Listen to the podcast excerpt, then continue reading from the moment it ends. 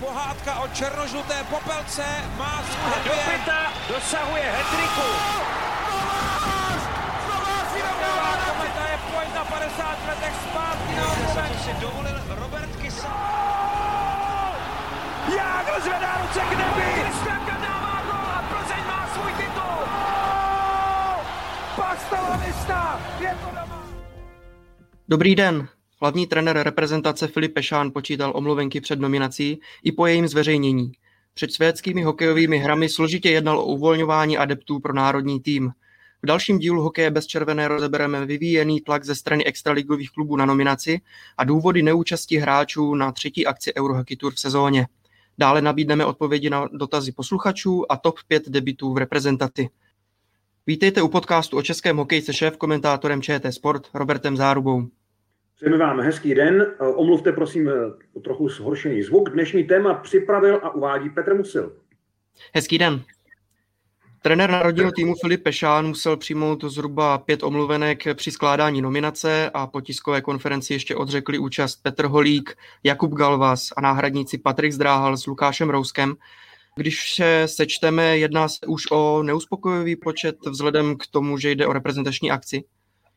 Na to, že jsou to švédské hry, únorový turnaj, tak je ten počet čtyř omluvenek poměrně dobrý, ale je to taky výsledek práce Filipa Pešána, který obvolal Kuby předem a už vlastně v té první verzi nominace vynechal některé hráče, které určitě původně chtěl vyzkoušet, nebo je chtěl spíš povolat do národního týmu, aby si zahráli pod novým trenerským štábem, takže se nemuseli potom omlouvat.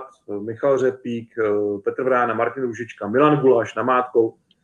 Takže ty čtyři omluvenky z konečné nominace a čtyři změny, to zas není tak drastické, je to v podstatě na úrovni těch minulých turnajů v tomto termínu. Švédové, kteří měli velké problémy s přesunem posil z KHL, museli nakonec udělat sedm změn v nominaci. A to mají domácí turnaj, takže ty čtyři změny u nás nejsou žádné velké drama, co se týče počtu. Na tiskové konferenci před švédskými hrami kouč Filip Pešát hodnotil proces vytváření nominace a prohlásil. Nominovali jsme, jak už bylo řečeno, několik hráčů ze skandinávských zemí a většinu tvoří hráči z České extraligy. I ta nominace z České nejvyšší soutěže se nerodila jednoduše. Z začátku bych samozřejmě rád, rád se vyjádřil k tomu, že chápu covidovou situaci a vím, že program České extraligy na to musel reagovat, ale v budoucnu bych samozřejmě byl rád, aby v pauzách pro reprezentační akce se nehrálo ani jedno kolo nejvyšší soutěže, protože jednání ne se všemi, ale s některými kluby jsou velmi složité, až někdy nedůstojné a samozřejmě chápu, že v covidové situaci nelze ten program měnit, ale budu apelovat na to, aby se v reprezentačních pauzách nehrálo. V první části, jak jsme teď slyšeli, tak Filip Pešán mluvil o tom, že jednání s kluby jsou místy až nedůstojná. Později to hodnocení zmírnil, tak se chci zeptat, protože později už zmínil, že mu vlastně nikdo klacky pod nohy neházel, tak se chci zeptat, jestli vidíte i určitý posun v komunikaci Filipa Pešána, že jakoby v úvodu té tiskové konference si možná všiml, aby to nebylo tak expresivní, jak ty jeho předchozí vyjádření, které potom vlastně rozvinuli debatu ohledně mládežnického hokeje, že mně to přijde trošku jako protimluv už na té tiskové konferenci, že potom zmírnil vlastně to hodnocení ohledně toho jednání. A těch protimluvů bude v téhle kauze podstatně víc, to z obou stran. A přesně jste to vystihl, Filip Pešan už nechtěl jít do další názorové kontroverze po té, co vlastně v hodnocení mistrovství světa juniorů ostře skritizoval přístup klubů a konkrétní hráče, tak tady chtěl trošku přibrzdit to původní vyjádření. Ale já se na to dívám z odstupu a musím říct, že komunikace s ohledem na to, že jde národní tým, byla nedůstojná. A takhle se nominace prostě tvořit dlouhodobě nemůže. Pokud má mít národní tým nějakou prestiž, tak se tohle musí výrazně změnit. Ve prospěch kouče národního týmu a ve prospěch pravidel, která budou pro kluby ale taky pro toho trenéra závazná. To znamená, oni se musí někde potkat, protože zvlášť v tomhle únorovém termínu to bude vždycky střed dvou pohledů zájmu klubu a zájmu českého národního týmu. A my si musíme ty dva zájmy postavit vedle sebe a ukázat si, který je vyšší. A to musí posoudit tento spor český hokej, tedy Český svaz ledního hokeje. Letos navíc ten problém je zvýrazněný těmi dvěma dohrávkami 10. a 16. kola, které rámují hm, švédské hokejové hry velmi těsně, takže vlastně reprezentanti by teoreticky mohli eh, být nasazeni do pěti utkání v sedmi dnech. Ono to technicky nejde, eh, ale stihnout čtyři ze sedmi eh, nebo čtyři v sedmi dnech, to už by opravdu mohli a myslím si, že někteří tuhle zátěž opravdu dostanou. Takže v tom je ten letošní turnaj ještě trošku obtížnější, respektive to skládání týmu, ale musíme si uvědomit, že příští rok to nebude jiné s ohledem na to, že olympijské hry ještě zhustí termínový kalendář Extraligy a navíc tu ještě bude ten 15. tým a to bude další problém, takže eh, lze předpokládat, že to, co se letos bere jako výjimka, eh, se jako výjimka potvrdí i příští sezónu a jak to v našem hokeji bohužel chodí, z výjimky se stane pravidlo a ty reprezentační pauzy budou velmi okleštěné, což je podle mě chyba. Dá se ale pochopit to hledisko klubu vzhledem k tomu náročnému programu, už jste to sice trochu nakousl, že tam jsou vlastně ty dvě roviny, jestli, má, eh, jestli by měla být výhradní přednost reprezentace nebo v tomhle ohledu kluby vzhledem k tomu náročnému programu. Eh, přesto, když se podíváte na to z toho pohledu klubů, dá se pochopit to jejich hledisko? Fanoušek každého jednoho klubu a česká hokejová veřejnost je hodně rozdělená na fanoušky jednotlivých klubů. To asi tak bude brát a vlastně bude tak spokojená, že kluby vlastně dostali v tomhle případě dost výrazně přednost. A já si myslím, že to je, že to je chyba. Že tady eh, by měly kluby si uvědomit eh, své postavení, eh, prestiž soutěže a prestiž národního týmu. A já pořád vidím, že ve světovém hokeji nás bude vždycky reprezentovat národní tým a společenské postavení hokeje u nás bude určováno podle výsledků národního týmu. Ne podle toho, jestli ligu nebo prezidentský pohár vyhraje Třinec, Sparta, Plzeň, Liberec nebo Boleslav. To je eh, velice, hm, řekněme, důležitý výsledek, ale eh, z hlediska postavení hokeje ve společnosti pomíjí. Takže eh, tady bude to hodnocení úplně jiné. A jestliže uděláme tuhle jednoduchou analýzu, která je podpořená zájmem diváků, fanoušků, potom o ten konečný výsledek národního týmu, ale i o ty průběžné výsledky, tady se hodně podceňuje Evropská hokejová tour, eh, to bych eh, možná ještě chtěl uvést, že ty turné jsou vedeny jako přípravné, ale hodně se ty výsledky podceňují, ale přitom je to to nejlepší mezinárodní srovnání, eh, jak si vlastně stojí jednotlivé evropské soutěže. Tohle je pro nás a má být pro nás důležité, jak se naše extraliga dokáže srovnat na mezinárodním poli v mezinárodní konkurenci s těmi nejlepšími a ne tedy v té vnitřní, jak my to pořád máme v tom zvláštním hokejovém provincionalismu eh, zakořeněno, že je strašně důležité, aby tenhle ten zápas, abychom tam eh, byli eh, prostě kompletní. Já vím, že to je důležité, já rozumím zájmům trenérů, klubů, ale jestliže se tady všichni zaklínají zájmem o český hokej, tak by to měli taky prokazovat činy a nejenom prázdnými slovy. Když už jsme teda u tématu Eurohockey Tour, tak právě tady ty nominační procesy možná tu prestiž trochu, trochu snižovali, ale eh, ať už to jednání ze strany klubu nebo i eh, někteří fanoušci, kteří na sociálních sítích tu atraktivitu této soutěže trochu spochybňují. Můžete třeba přiblížit, jaká je sledovanost eh, Eurohockey Tour, jestli i v tomhle ohledu to třeba není úplně tak pravdivé? Za prvé, hokejová úroveň Evropské hokejové tour je určitě lepší než úroveň většiny extraligových zápasů. Přestože extraliga nemá, řekněme, špatný obraz a sportovně to není špatná soutěž, tak Eurohockey Tour a každý ten jeden turnaj je přece jenom ještě o stupeň výš a většina těch zápasů je objektivně kvalitnější než drtivá většina extraligových zápasů. Uh, za druhé, zájem diváků tomu zcela odpovídá. Diváci by asi, asi nekoukali na špatný hokej a kdyby je národní tým nezajímal, tak by asi sledovanost těch zápasů byla jiná. Průměr extraligového utkání, sledovanost, se letos pohybuje v této sezóně zhruba na 73 tisících diváků. Eurohockey Tour uh, má 127 tisíc průměr, ale pokud bychom odečetli neutrální zápasy Švédsko-Finsko, Finsko-Rusko a Švédsko-Rusko, tak bychom se dostali úplně na jiná čísla a tam uh, zjednodušeně řečeno je zájem diváků o zápasy národního týmu, ty takzvaně nedůležité, dvojnásobný proti zápasům Extraligy. A to včetně těch nejatraktivnějších. A když bychom se podívali na nejsledovanější zápasy z Extraligy a z Eurohockey Tour, tak to máme třeba to utkání Sparta Třinec včera mělo průměr 84 tisíc diváků, ale když vezmeme nejlepší zápasy národního týmu, tak ty se dostávají přes 300 tisíc diváků.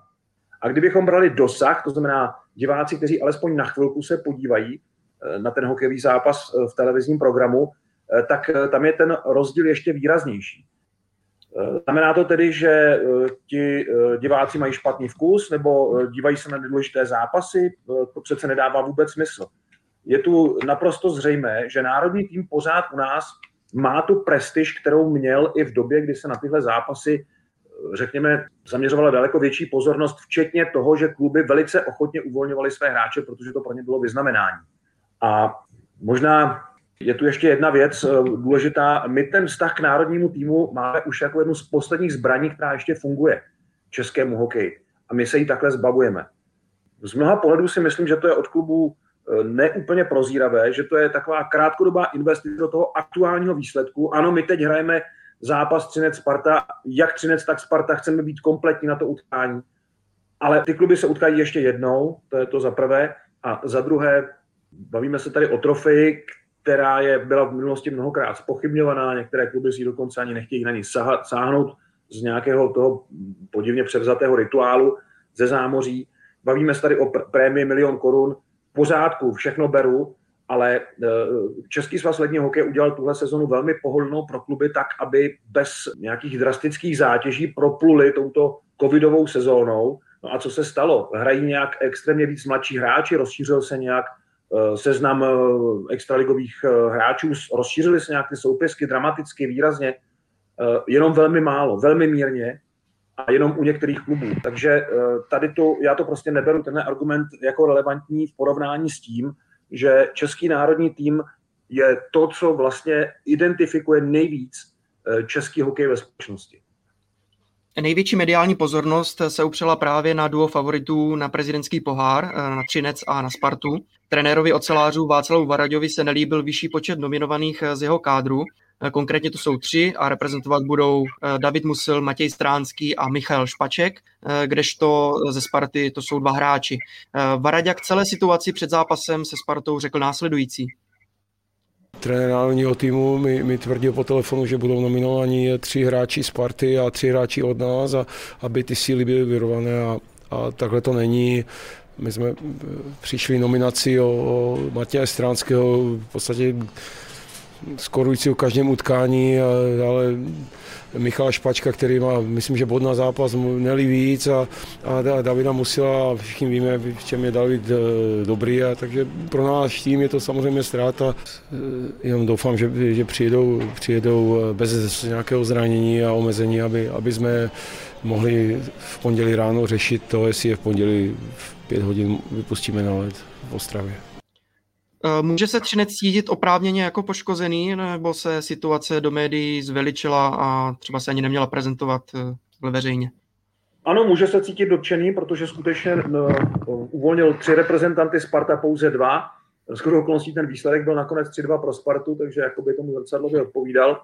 Ale já přesně nevím, jestli tady nevzniklo nedorozumění v tom, že Filip Pešán slíbil, že v dobré vůli vyrovná ten počet nominovaných na obou stranách ale z hlediska eh, Sparty nedošlo k tomu eh, vstřícnému kroku, kdy klub neuvolnil národní tým Michala Řepíka a Lukáše Rouska a eh, už vlastně nebylo dál kde brát. Takže ano, Třinec může být poškozený, ale těžko to může svádět na Filipa Pešána, který zase na druhou stranu by musel škrtnout jedno jméno z Třince, aby to tedy jako takzvaně dorovnal. A proč by to dělal? David Musil je obránce, který může hrát na mistrovství světa, Michal Špaček bude hrát prvního centra, Matěj Stránský bude hodně v přesilovkách. Zkrátka tihle eh, kluci potřebují hrát za národní mužstvo a kdy jindy, když ne teď, kdy mají opravdu oba dva špičkovou formu, by si to měli vyzkoušet. Tohle eh, prostě eh, od Třince v pořádku, že ty hráče uvolnil a oceláři, oni mají občas takovou tu tendenci vidět tahle rozhodnutí možná trošku moc odtažitě, že, že berou jakoby všechno, co se upeče na svazu jako něco vzdáleného, eh, s čím oni mají často problém a bojují s tím a že se cítí být takový jako odstrčení v tom Slesku a že zkrátka se necítí být dostatečnou součástí českého hokeje, což je vina samozřejmě obou stran, protože to tak jednoznačně není a, a Třinec patří k českému hokeji jako málo který jiný klub, tím, jak je úspěšný a tím, jak vychovává hráče.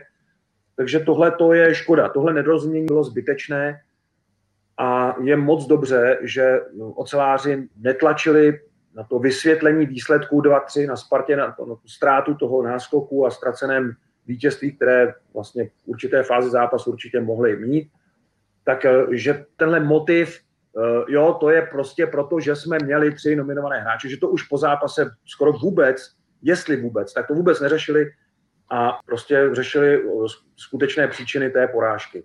Takže to si myslím, že pojednali velmi správně.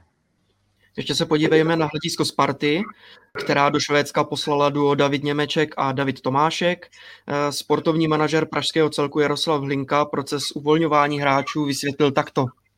Vnímáme to tak, že to je úplně zbytečný, protože já jsem se s Filipem, samozřejmě jsme spolu mluvili nejednou a, a, a o našich hráčích, prostě naši hráči jsou, jsou pomlácený, jsou zraněný.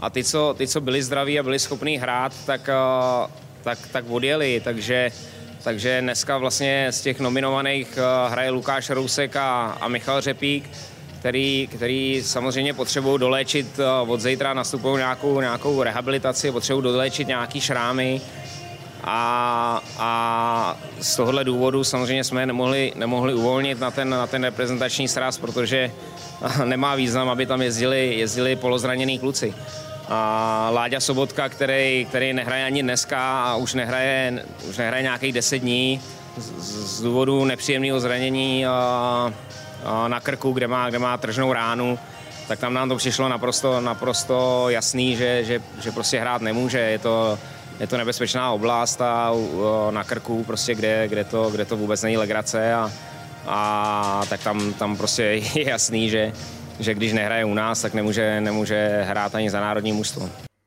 Michala Řepíka a Lukáše Rouska omluvil sám klub ze zdravotních důvodů. Eh, proti Třinci však oba nastoupili. Připomínám, že Michal Řepík eh, zaznamenal branku a Lukáš Rousek eh, asistenci a oba hráli lehce po 20 minut. Ztrácí tím pádem prezentace jejich omluvy na důvěryhodnosti?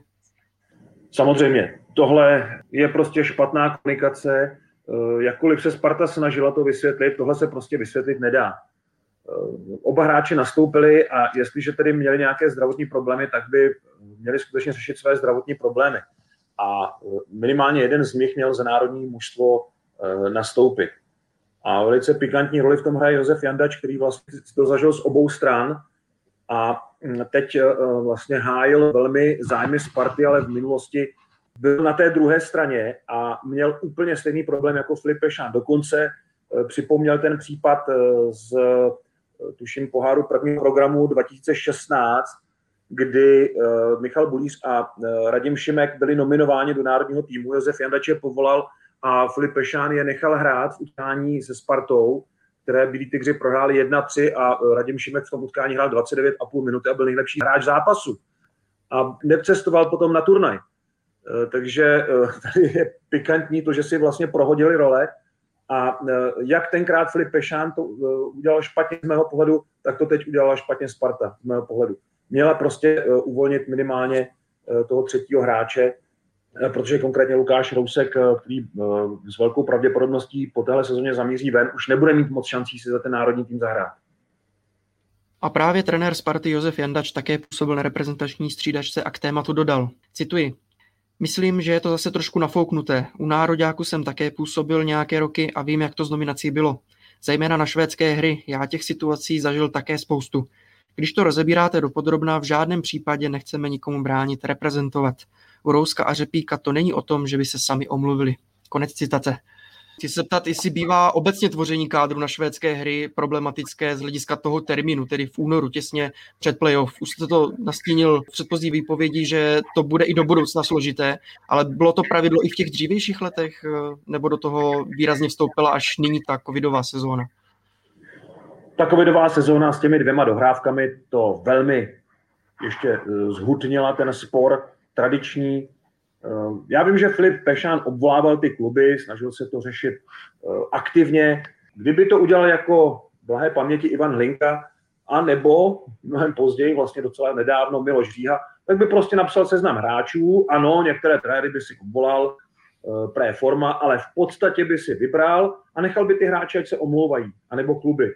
Ale Filip Pešan nechtěl zjevně eh, vytvořit nový konflikt, přestože se mu to nakonec nepodařilo, eh, a nechtěl prostě komentovat 10, 12, 15 omluvenek, protože kdyby nominoval ten tým podle svých původních představ, tak si myslím, že bychom byli na úplně jiném čísle v počtu omluvenek a těch vysvětlování, proč ten hráč nastupuje v extralize, ale den na to nemůže prostě odjet na akci národního mužstva.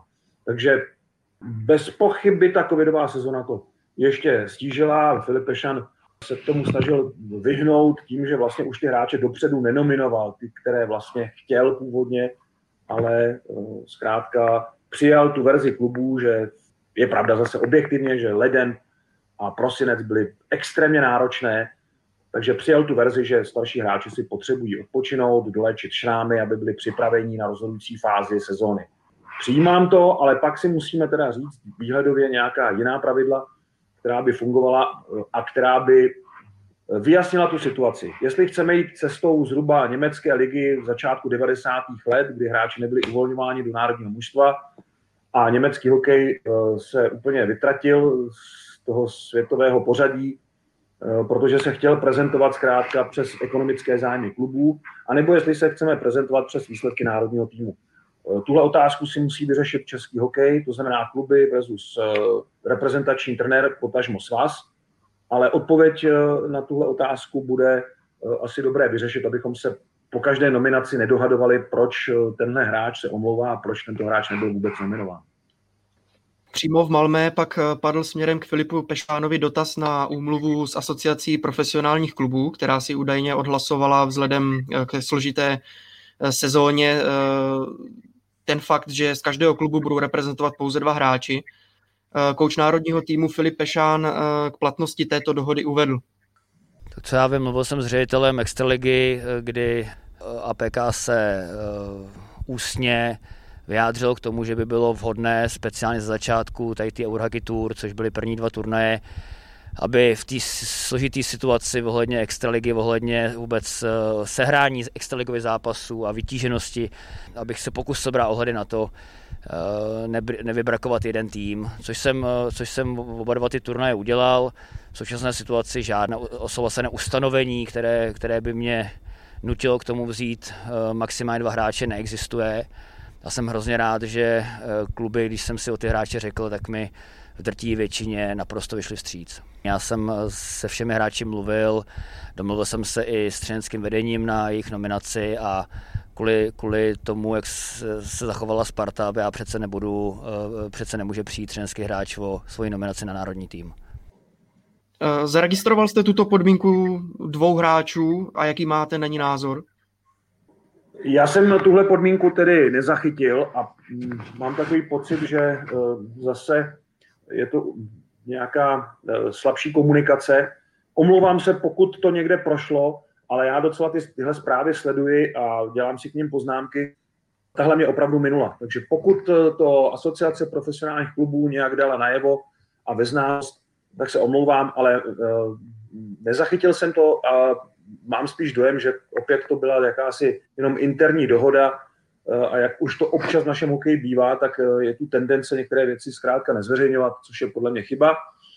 Eh, každopádně to není úplně špatný nápad, jenom je potře- bylo by potřeba ho dotáhnout a ta pravidla potom dodržovat. Rozhodně bych teda zvýšil ten počet ne ze dvou na tři, aby bylo možné nominovat třeba, já nevím, útočnou trojici výhledově, když to za sebe byla lamentace z, od některých klubů.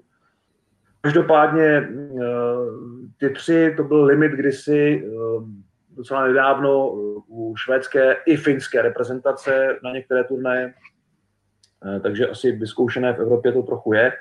Ale ještě bych tady možná znovu připomněl, že v téhle sezóně to nedává moc smysl z, z druhé strany, protože Eh, kluby mají tu sezonu opravdu eh, z hlediska nějakého stresu tabulkového velmi zjednodušenou tím, že se nesestupuje a že 12 ze 14 týmů si zahraje playoff.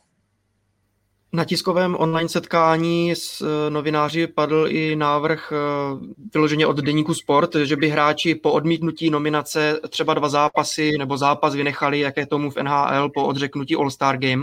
Eh, je tohle u nás reálné? Nevím, jestli to je reálné, ale bylo by to rozumné. A All-Star Game a NHL to dělá z velmi dobrého důvodu. Tam je to tedy, řekněme, obchodní zájem. All-Star Game je velká show, ale z hlediska výsledků nemá vlastně na NHL vůbec žádný vliv.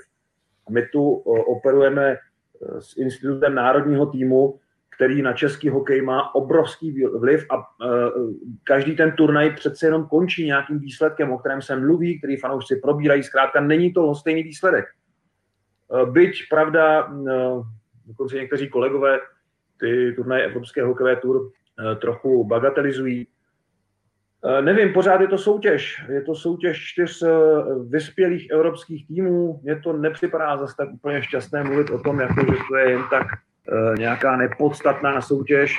Vlastně to střetávání Finska, Švédska, v minulosti třeba Sovětského svazu, Československa, tu bylo od 70. let v těchto termínech. Ty turnaje tomu dali jenom určitý jako rámec a určitou jako soutěžní pravidelnost. Každopádně to pravidlo eh, případné, že by hráč, který eh, bude zraněný, takže by nemohl hrát eh, třeba v jednom dalším utkání, to by asi výrazně změnilo přístup klubů. Ale správně, ta otázka musí zaznít jako otázka, jestli to je reálné, odpověď neznám, ale myslím, že by bylo velmi rozumné.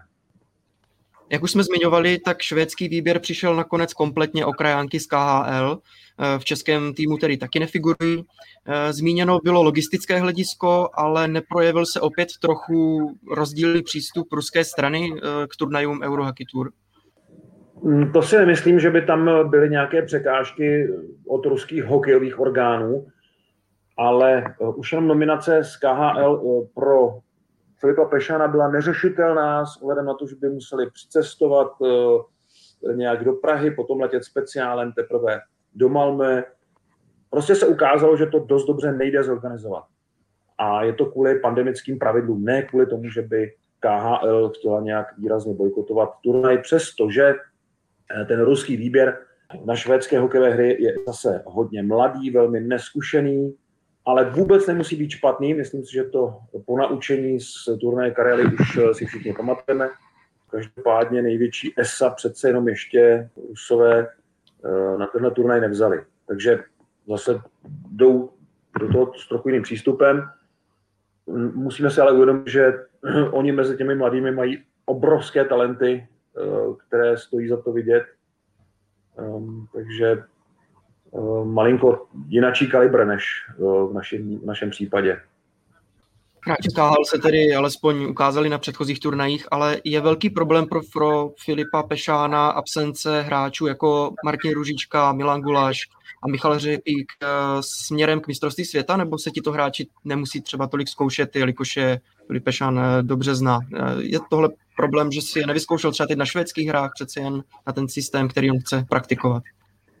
Bude hodně záležet na tom, jestli budou připuštěni hráči z NHL, pokud ano, tak eh, tohle problém být nemusí. Pokud ne, eh, tak eh, si myslím, že je chyba, že Milan Gulaš Martin Ružička, kteří v posledních letech jsou na špičce v extralize, ale v národním týmu přece jenom nehráli v těch elitních formacích takové role jako v extraligových klubech.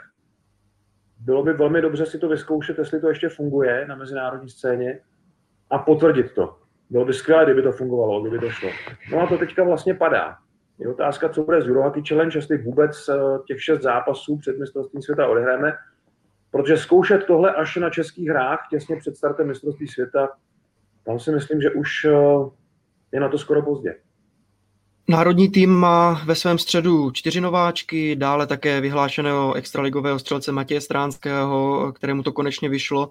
Opět brankoviště je především z golmanů eh, působících ve finské lize, eh, takže těch eh, individualit zajímavých je tam více. Jaké tady ty hráče vypíchnout a jaký motiv má celkově ten turnaj? Bude to znovu výborné srovnání ligových soutěží, a špičkoví hráči z těch ligových soutěží budou eh, v rolích, které jim vlastně přísluší v těch ligových, což není úplně pravidlo. Eh, většinou ty posily, krajánci z cizích uh, lig vlastně převezmou ty přesilovky a, a roli prvního brankáře a, a tyhle, ty, tyhle ty posty, což u většiny těch týmů tady není. Jo, ano, my máme dvojici uh, Hrachovina Bartošák, která zachytala výborně na turnaj Karely, ale určitě uh, v těch dalších uh, rolích už to je hodně postavené na extralize. Takže ono to je velice cené srovnání. A připomínám, že v téhle sezóně není Liga mistrů, takže vlastně je to jediná mezinárodní konfrontace, kterou Extraliga může mít. A proto to bude hodně zajímavé, jak si povede Radan Lenz s Michalem Birnerem v první formaci třeba, s Michalem Špačkem. To bude hodně zajímavé. Eh, jak to půjde Filipu Královi, který v extralize se ukazuje výborně, přestože kometa se trápí. Jeho výkony si drží pořád určitý standard a jsem zvědav, jak mu pomůže třeba to nové prostředí, eh, výsledkově nezatížené vlastně tím přelomem ledna a února.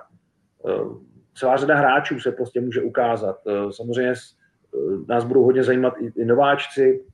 To je vždycky zajímavé, protože v poslední době se nám docela začalo dařit uvádět ty nováčky celkem rychleji a úspěšněji než v minulých letech eh, právě do mezinárodního hokeje. Takže na tohle jsem taky docela zvědav, jak půjde Filipu Suchému, Oskaru Flinovi, eh, jak jim to půjde prostě v, vpředu, když eh, vlastně dostanou šanci zahrát si na téhle úrovni poprvé. Přesuňme se nyní k dotazům našich posluchačů. Otázky můžete klást pod našimi podcasty jak na YouTube kanálu nebo na sociálních sítích ČT Sport, tak také na Twitteru Roberta Záruby. A Marek Macák se ptá, zda si myslíte, že bude mistrovství světa s posilami z NHL, nebo se bez nich bude muset Filipe Šán obejít? To je důležitá otázka, ale odpověď na ní nezná nikdo.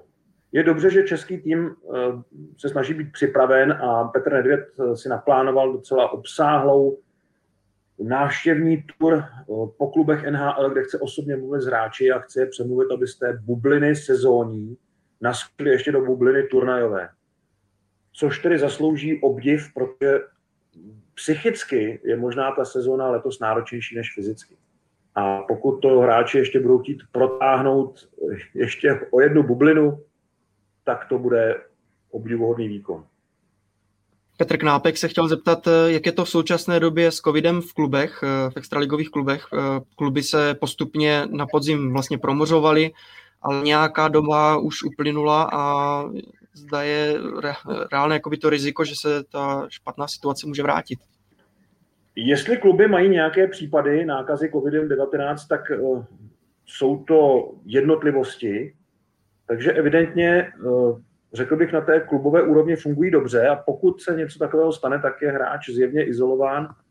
Ani se teda už o tom moc nemluví, ale už to není taková hromadná nákaza, jako byla na podzim. Takže já jsem upřímně řečeno byl velmi zvědav a moc jsem tomu nevěřil, jak a jestli Extraliga zvládne ten náročný program, ale pokud se teď eh, dohrají ta dvě kola, tak vlastně bude Extraliga po 23. jsou dohrávky února, ale jestli tohle Extraliga zvládne, tak bude vlastně v těch původních kolejích. A to, když si uvědomíme, jak eh, těžká termínově ta sezona byla, je vlastně eh, docela pozoruhodný výsledek. Lukáš Koroupa má dotaz, eh, jak bude vypadat vysílání playoff hokejové extraligy v české televizi v letošní sezóně, i vzhledem k tomu, že vlastně je rozšířené předkolo. Systém zůstane stejný, dva vysílatelé se dělí o zápasy a pokud už zůstane jenom jedna série, která se bude hrát, tak vysílají oba, nebo mají možnost vysílat oba. Eh, eh, Česká televize vysílá za každých okolností a mm, myslím si, že tak to bude platit i pro předkolo. Jenom tam bude zkrátka širší nabídka výběru těch zápasů, ale to je jediná změna, kterou asi lze uvést. Jinak eh, dostanete obvyklý program. A Extraliga s tím počítá, že se rozvrství vlastně do více dnů, protože bude asi více sérií, jestli se nepletu, takže se rozvrství. Eh, ten rozpis bude takhle k tomu, k tomu přizpůsobený. Že, že nebude třeba jeden den více zápasů než dva, aby opravdu viděli diváci vše v televizi. No, to je možné, to nevím úplně, ale každopádně spíš máme obavy z kolize eh, s, světovými poháry ze zimních sportů, protože těch máme to opravdu hodně. Na závěr 20. dílu našeho podcastu máme pro vás opět připravenou rubriku Top 5. V kádru pro švédské hry jsou tedy čtyři nováčci, Filip Král, Oskar Flynn, Filip Suchý a Nick Malík. No a my se teď podíváme, jakých pět eh, nejlepších debitů v reprezentaci stojí za připomenutí. Eh, měl bych asi uvést, že eh, těch pět nejlepších debitů mám za posledních pět sezon. Možná šest, abych byl přesnější. V té pětce mám dva brankáře. Ten první je číslo pět Roman Will a jeho skvělý debit eh, právě na švédských hokejových hrách před dvěma lety v utkání s Finskem 3-1. Na čtvrté pozici Jakub Fleck a jeho první zápasy na švédských hokejových hrách 2020, tedy loni, nepamatuju si, že by jiný hráč přinesl tolik energie do svých střídání jako Jakub Flek eh, na tom loňském eh, švédském turnaji.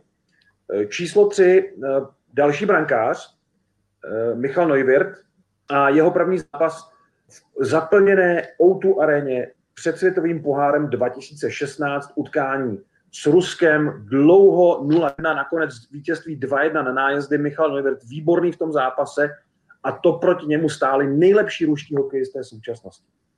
Číslo dvě Filip Zadina a e, výborný start na českých hokejových hrách.